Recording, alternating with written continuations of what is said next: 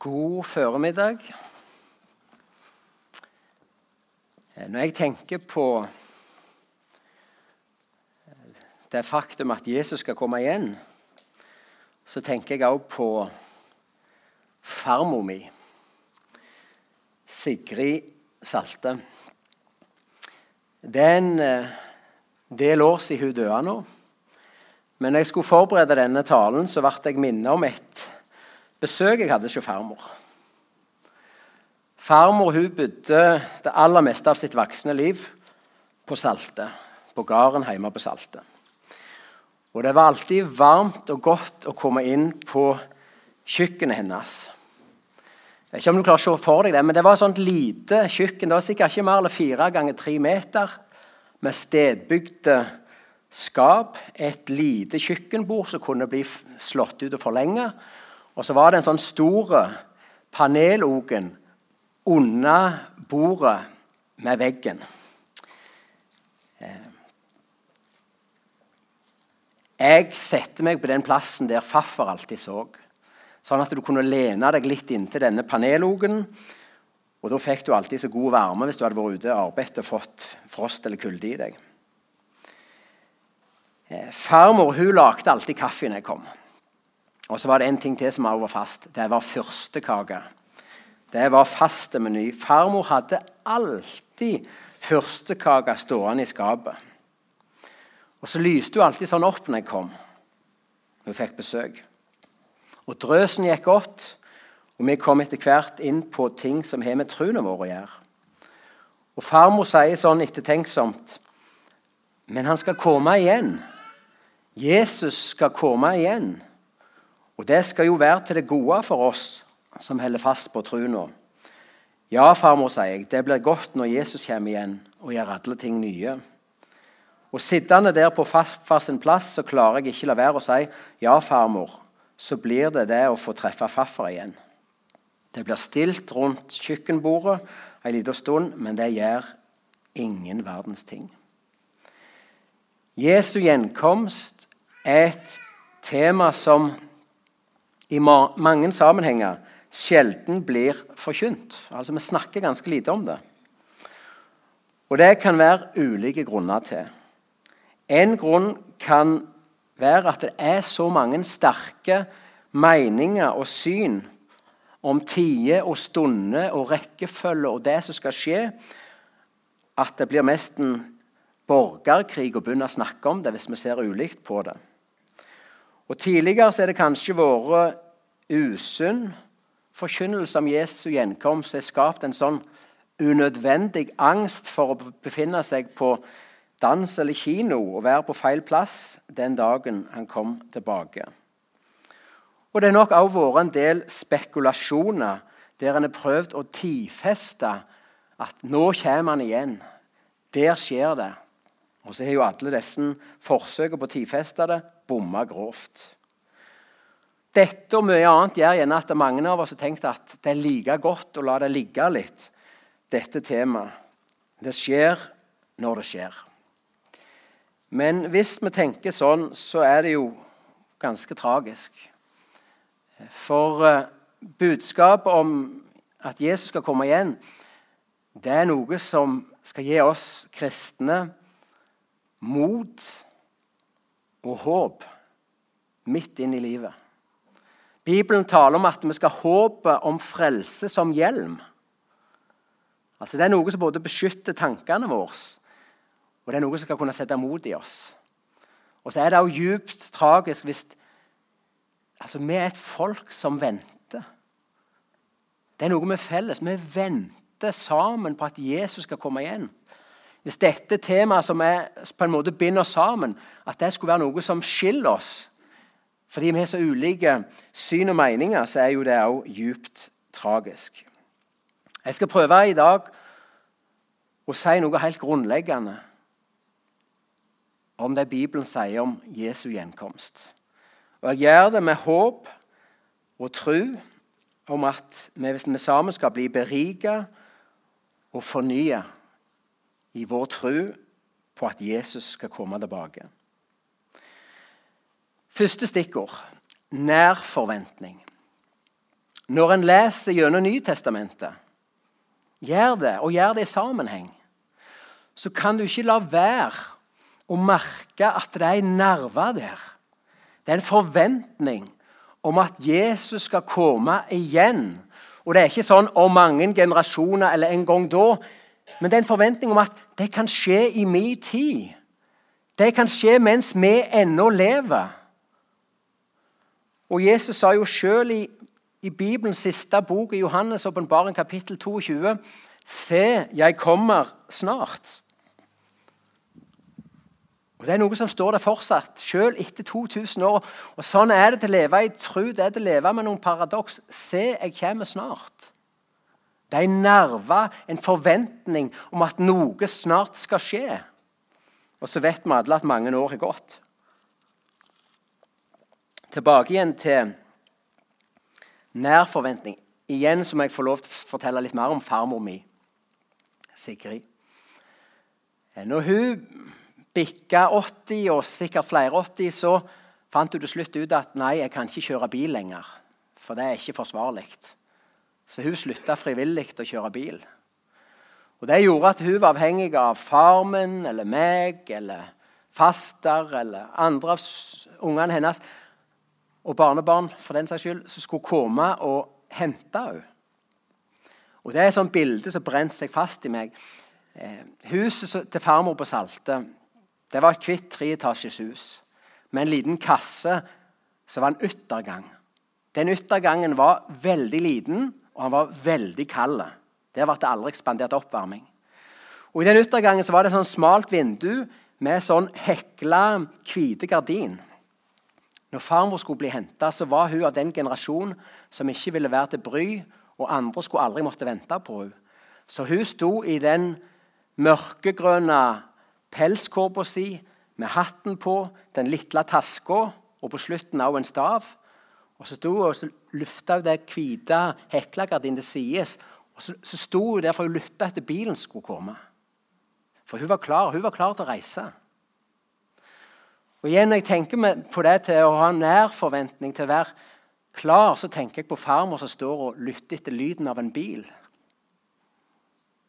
Vi skal heller lytte etter lyden av hans fottrinn. Men, men vi er kalt. Bibelen kaller oss, på tross av at det ligger 2000 år med ventetid bak oss, så kaller Bibelen oss i dag til å vente at hans gjenkomst er nært forestående.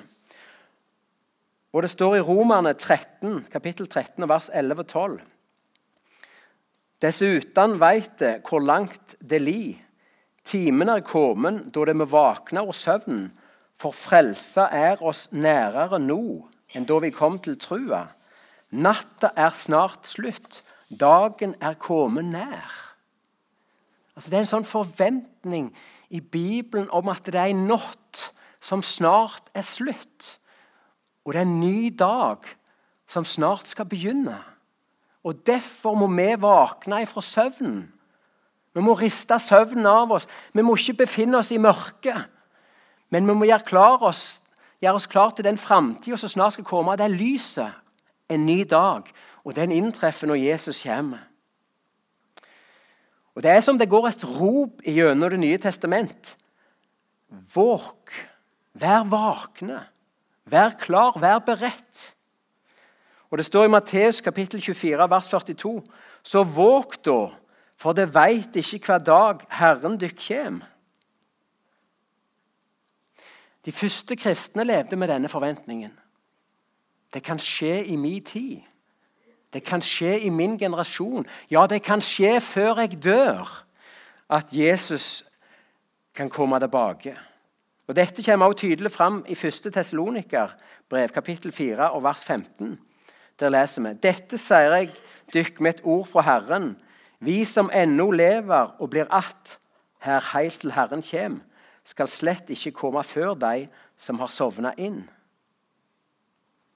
Altså Paulus, som hadde vært tatt opp i den sjuende himmel, som hadde fått noen utrolige åpenbaringer Han levde med en forventning om at ja, det kan godt skje, skje før vi dør. Det kan skje i vår tid. Og Da tenker jeg at når Bibelen har denne nerven, når Bibelen har dette kallet til oss om å være våkne og beredt, om at vi skal riste søvnen av oss, at vi skal stå opp, for det er en ny dag i emninga. Natta er snart slutt. Så må ikke vi gjøre Jesu gjenkomst til noe sånn som ligger langt der framme bak alle mulige ting som skal inntreffe, eller noe som bare ikke har betydning for livet her og nå. Se, jeg kommer snart. Det er et ord som fortsatt står der og dirrer. Og vi er kalt til å ha en nær forventning om at det kan skje òg i vår tid. For det har betydning for hvordan vi lever, tenker, prioriterer. Så det er det første punktet. Vi skal leve med en nær forventning. For den andre Jesu gjenkomst vet du hva, den vil komme overraskende på oss alle. Det er ingen som klarer å regne seg fram til dagen og timen. Det er mange som har prøvd, men, men, det er ingen som klarer det. Og Det står i Matteusevangeliet kapittel 24 og vers 37-39 og vers 42. Som i Noas dager skal det være når menneskesonen kommer. Altså menneskesonen er et annet ord for Jesus. I tida før storflaumen åt og drakk de, gifte seg og ble bortgifte, helt til den dagen Noah gikk inn i arka, og ingen skjøna noe før flaumen kom og tok de alle. Slik skal det være når menneskesånden kommer. Derfor skal det være forberedt, det òg. For menneskesånden kommer i en time det ikke venter det. Det vil aldri bli sånn at hele verden bare står og venter på at Jesus skal komme igjen. At tegnene i tida som vi liker å snakke om, at alt bare er så krystallklart at alle forstår at nå er det game over, nå er det slutt. Altså, Noah bygde en kjempebåt langt opp på torra land. Det var ingenting rundt der som vitna om at det skulle bli en storflaum. Det var sikkert stein og sand og noen skjelver rundt der. Folk gifte seg og ble bortgifte. De åt og drakk. De levde sine vanlige liv. Sånn sier Bibelen det òg vil være når Jesus kommer tilbake.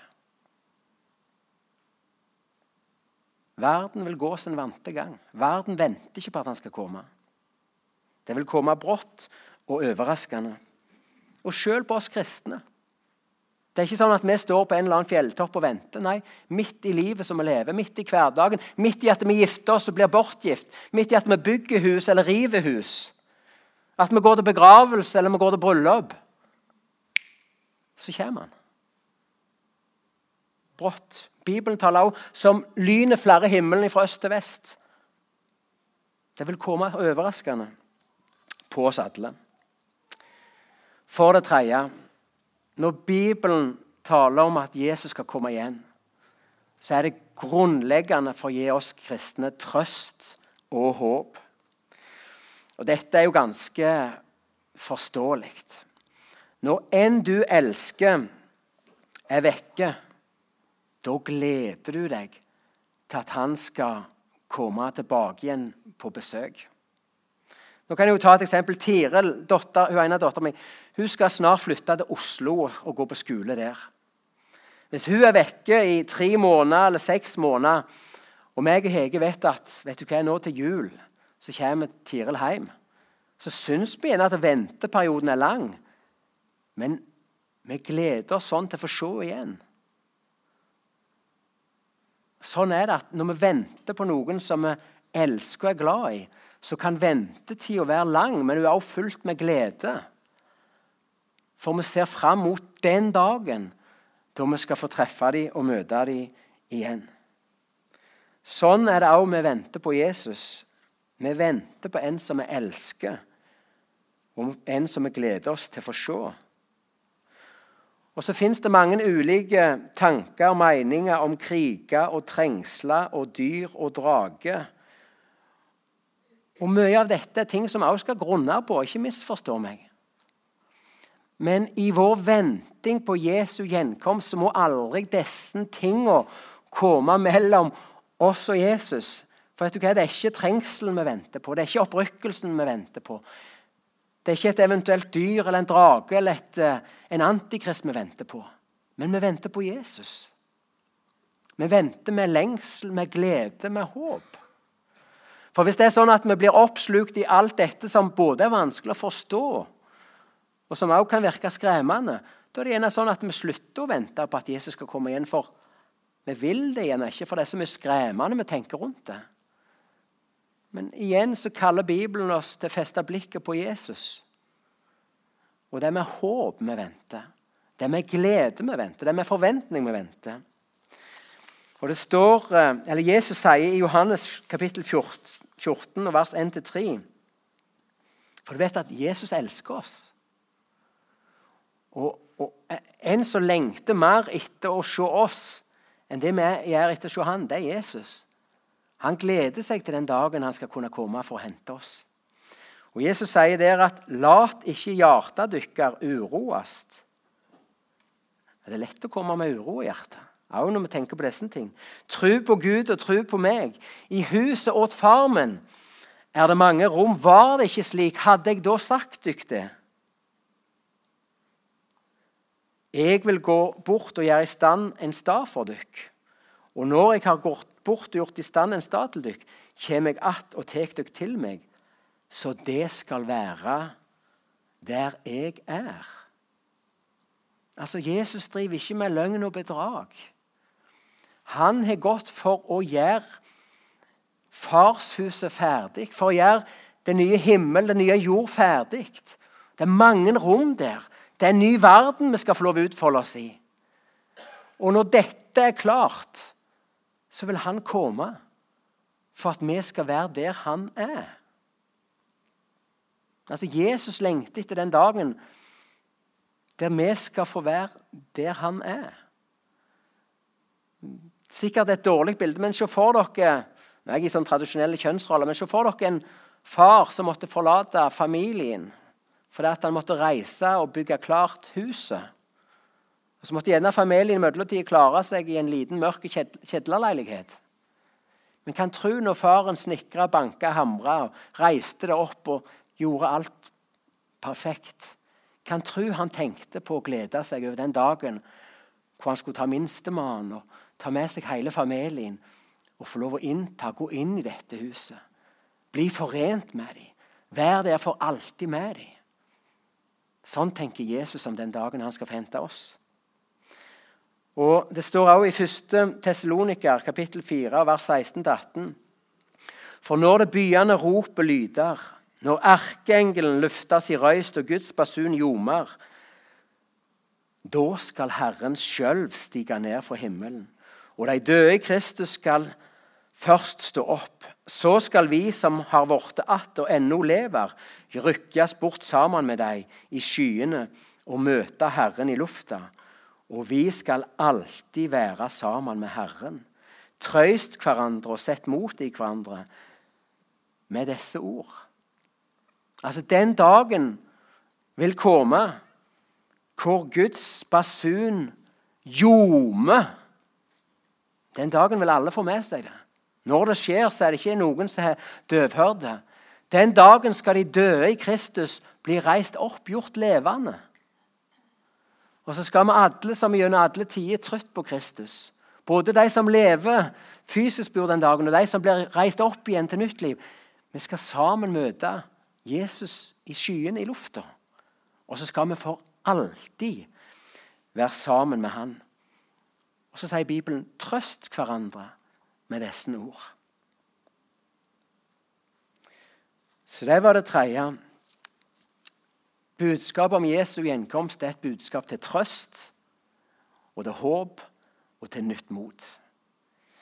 For det fjerde når Bibelen taler om Jesu gjenkomst, om ventetida Altså tida fra Jesus for til himmelen til han skal komme tilbake igjen, det er ei ventetid. Men den tida beskriver Bibelen veldig tydelig som ei arbeidstid for Guds folk. Ventetid er arbeidstid. Guds rike på jord trenger villige hender og føtter. Jesus sier at høsten er moden, men arbeiderne er få. Og Det er òg en nerve som går sammen med hele budskapet om gjenkomst. Det er at Gud kaller oss til å arbeide, til å bruke tida, til å nytte tida, til å gjøre en arbeid og en innsats for Hans rike. Bibelen taler om den kloke tjeneren som var på sin post, som Herren fant i arbeid når han kom tilbake. Og Bibelen, Jesus taler i sterke lignelser om pund og talent, som hver enkelt har fått utdelt. For her er tanken den at Gud har et kall over hver eneste kristen sitt liv. Han har oppgaver, små og store, nettopp for deg. Du har en plass i arbeidslaget du skal fylle. Gud ønsker å ut, utrette et arbeid gjennom deg. Og da er ventetid arbeidstid. Så, og, og Det er også med å gi litt sånn kraft til dette her. For vi vet alle hva en deadline kan gjøre. Det er utrolig mye som ikke hadde blitt produsert eller gjort hvis det ikke fantes en deadline. Så igjen For å få gjort det arbeidet Gud kaller oss til, så trenger vi å væpne oss med håp om frelse som hjelm. Trenger vi å ha denne nærforventningen? Ja, det kan skje i min tid. Dessuten så har jeg bare dette det ene livet, mitt liv på jord, til å få gjort det Gud har kalt meg til. Så la oss bruke ventetid til arbeidstid. Og igjen et sikkert haltende eksempel, men jeg har vært avløser fra jeg var 12 til jeg var ca. 26 år. Eh, og annet på en gard nede på Orre hos Kjell Harald Horpestad, doktor og bonde nede med Orre gamle kirke. Der var jeg avløser i mange år. Og der var det, Nå har han bygd et nytt, flott, fancy løsdriftsfjos for en del år siden, men der var det et gammelt mursteinsfjos som jeg først og fremst avløser i. Og der var det sånn, jeg må jo bare ærlig innrømme det, at jeg kunne gjøre ting fort og slarve litt i svingene når han var vekke tre uker på ferie. Det kunne ligge igjen eh, både det ene og det andre i krybba der skyen har maten sin. og Råte gras ble gjerne bare skrapt sammen og hevet i en ende på fòrbrettet. Men jeg skal fortelle deg ingenting. Når jeg visste at han kom igjennom to eller tre dager. Det var akkurat som jeg fikk en ekstra energi i kroppen til å lesse opp det gamle gresset som bare lå i en ende, til å sope og skrape den krybba. For jeg ville at det skulle se bra ut når han kom tilbake. Og Sånn tenker jeg litt òg. Det at vi forventer at ja, det kan skje snart. Det kan skje i min tid.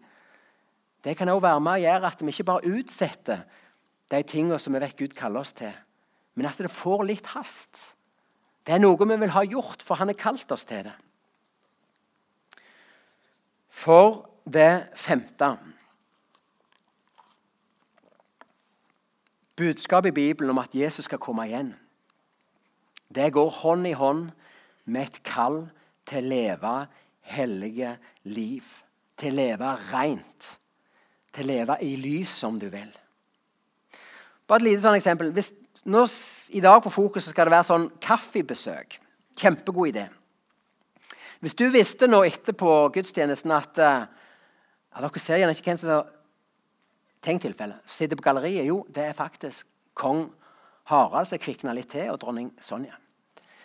Og du er faktisk den heldige i dag som skal få besøk av Hans Majestet. Hvis du hadde visst dette nå i ei uke i forveien, jeg tror du hadde støvsugd litt ekstra, rydda litt og gnikka vaskt og alt på G. For kongen kom tross alt på besøk til deg.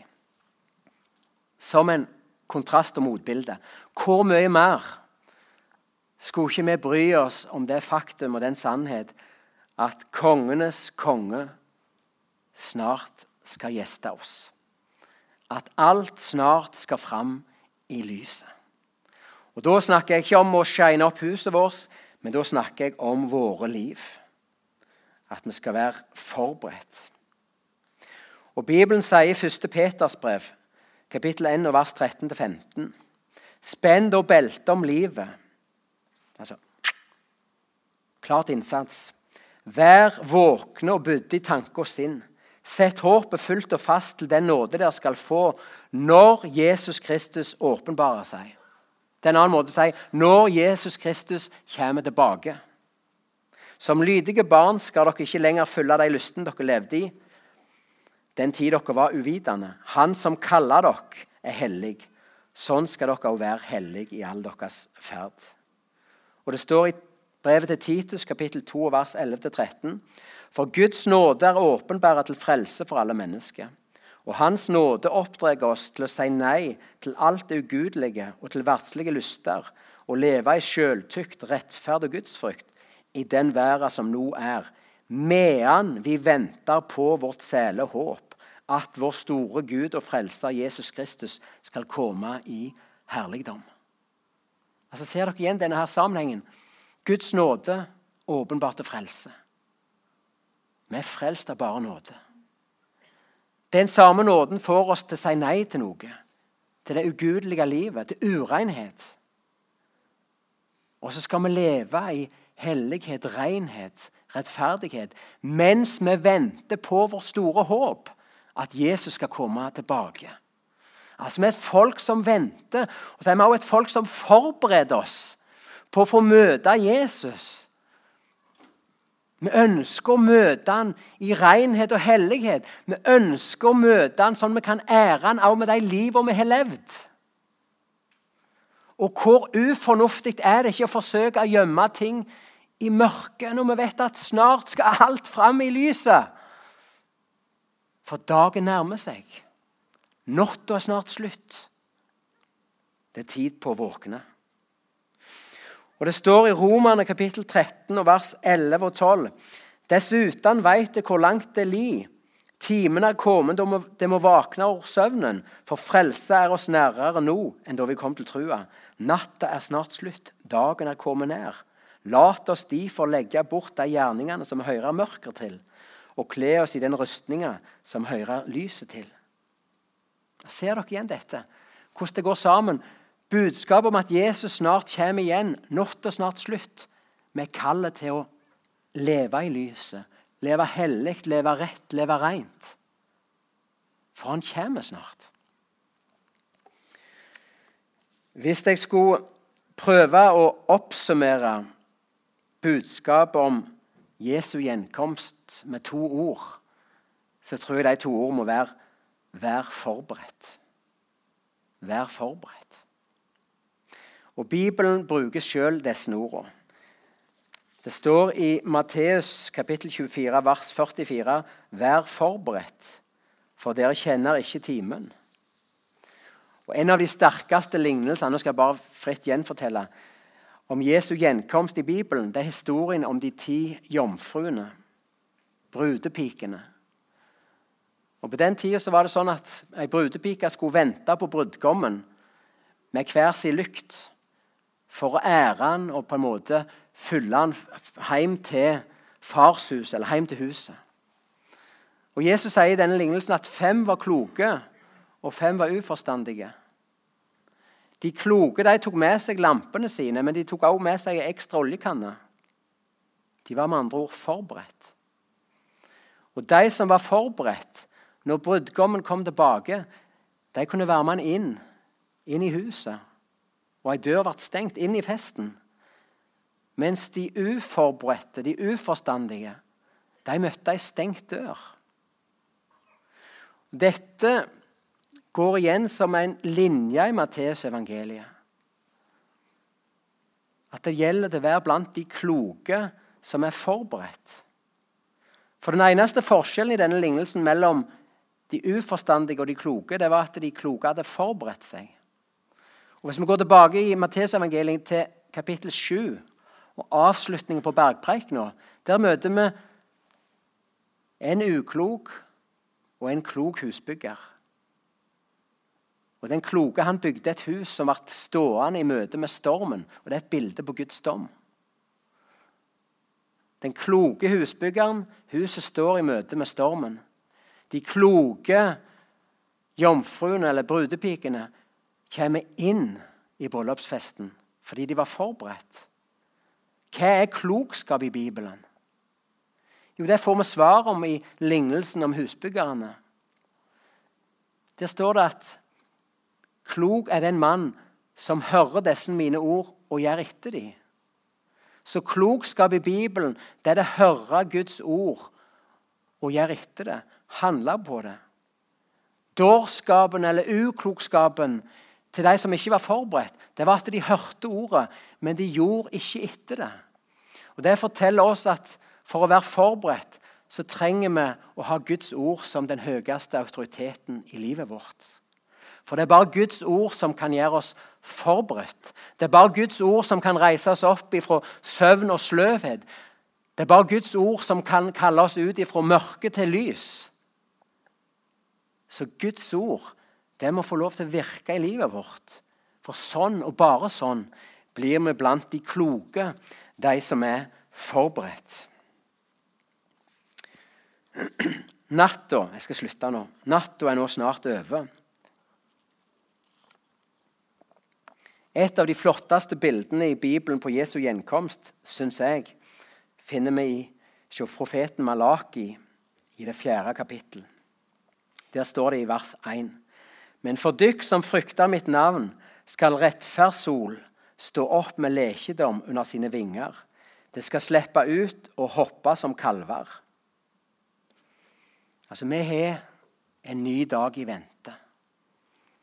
Vi befinner oss i ei natt som snart tar slutt. Og en dag, så sier dette verset, skal rettferdighetssol stå opp med legedom under sine vinger. Altså, Det bildet som Bibelen bruker her, det er bildet av kalver som blir sluppne løst. Det skal slippe ut og hoppe som kalver. Se for dere et gammelt fjos. Ikke et sånt lyst og trivelig løsdriftsfjos. Men se heller for dere ei jordhåle der kalver står bonde på sin bås gjennom en lang vinter. De, ser et glimt av sol gjennom sprekker i døra. Men se for dere den vårdagen når bonden slår døra på vid vegg. Og Han kommer inn og han går til hver enkelt kalv og løser den lenka som bandt de til båsen. Og så leder de ut gjennom døra, og kalvene brått befinner seg på ei grønn kjelve, bada i vårsol. Jeg vet ikke om dere sitter noen gang en kalv blir sluppet ut sånn for første gang. Men det er en eksplosjon av energi. Det er hopp og det er vrikking i alle retninger. Det er en sånn frihet og bevegelighet som du ikke kunne drømme om at den kalven kunne få til når han sto der bonden på bås. Vi er på vei mot denne dagen. Når Jesus kommer tilbake igjen, så skal han løse oss. Og så skal vi få erfare en frihet, en kraft og et liv som vi aldri hadde drømt om når vi bare så glimt av lys i, i dørsprekka. Den dagen kommer hvor rettferdighetssol skal stå opp med legedom under sine vinger. Den dagen vi skal bli nyskapte, vi skal bli gjort hele og frie som vi aldri kunne drømme om her på denne jord. Den dagen er vi på vei mot hvor det ikke skal være sorg, død, djevel, tap, svik, fall, nederlag, sykdom, krig, svult. Det skal ikke finnes mer. Snart kommer dagen hvor rettferdighetssol skal renne. Hvor de døde i Kristus, de som er døde i troen på Jesus, skal bli reist opp og gjort levende. Den dagen hvor basunen lyder, og alle graver må gi slipp på de som ligger der og hviler. Den dagen kommer. Vi er på vei mot den dagen der vi skal møte Jesus, se han ansikt til ansikt og for alltid være sammen med han. Vet du hva jeg tenkte på når jeg så de jobbet med dette? At den dagen kommer også hvor jeg skal møte farmor igjen. Jeg er oppkalt etter farmor, og hun sa alltid at hun hadde en ekstra aksje i meg. Vet du hva, Farmor hadde det ikke så lett de siste åra. To ganger måtte hun operere begge hoftene og bytte dem ut. Og Det var store operasjoner med enorme påkjenning for hun. Men vet du hva? Farmor var sta. Hun kjempa seg ned den stupbratte kjellertrappa. Hun klamra seg til gelenderet. Hun ville klare seg sjøl. Hun gikk opp på loftet der soverommet var. Hun gikk gjennom gardsrommet og bakken opp til hønsehuset for å sortere egg. Med de hoftene hun hadde. Men det var en kamp for farmor. Når farmor ble enda eldre, så begynte hukommelsen å svikte. Farmor ble dement. Det var jo vondt å se, for hun som alltid hadde vært så skarp og klar i tanken, hun mista klarheten. Men vet du hva? like til slutten så kunne jeg be Fader vår med farmor. Fader vår, det husker farmor. Og farmor sa til det siste at når vi ba at Takk, Jesus, at jeg er frelst. Frelst av bare nåde. Selv om mye annet svikta, så var det noe som sto fast for farmor. Det var at hun var frelst. Og frelst av bare nåde. Vet du hva? Den dagen kommer hvor farmor skal få både nye hofter og ny hukommelse. Ja, hele farmor mi skal bli nyskapt. Og hun som alltid strålte opp når hun fikk besøk, jeg gleder meg til den dagen da farmor skal stråle opp igjen når hun ser både Jesus og meg og mange andre som hun hadde kjær. Den dagen kommer like sikkert som vi er samla her i dag. Jesus er lovt at når alt er ferdig i farshuset, så skal han komme for å hente oss hjem til seg. Den dagen kommer hvor rettferdighetssol skal stå opp med legedom under sine vinger. Jeg håper at du òg gleder deg til den dagen, ser fram til den og lengter etter å få se Jesus igjen. Jeg håper at du er forberedt og klar for den dagen. At du er som den kloke husbyggeren og de kloke jomfruene. Hvis du ikke tror på Jesus, så kan du ennå, ja, du kan i dag vende om og ta imot hans tilgivelse og hans frelse, for det er bare nåde. Bare sånn kan du bli forberedt og klar hvis du tror på Jesus. Og til deg som tror på Jesus, så vil jeg si hold fast på det du har fått. Du finner ikke en større skatt på jord. La oss reise oss og stå sammen i bønn til slutt. Ja, kjære Jesus, jeg takker deg for at du har lovt at du skal komme snart tilbake. Og hjelp oss til å tro det imot en historie på 2000 år som gjerne vil få oss til å tro at det er enda lenge til.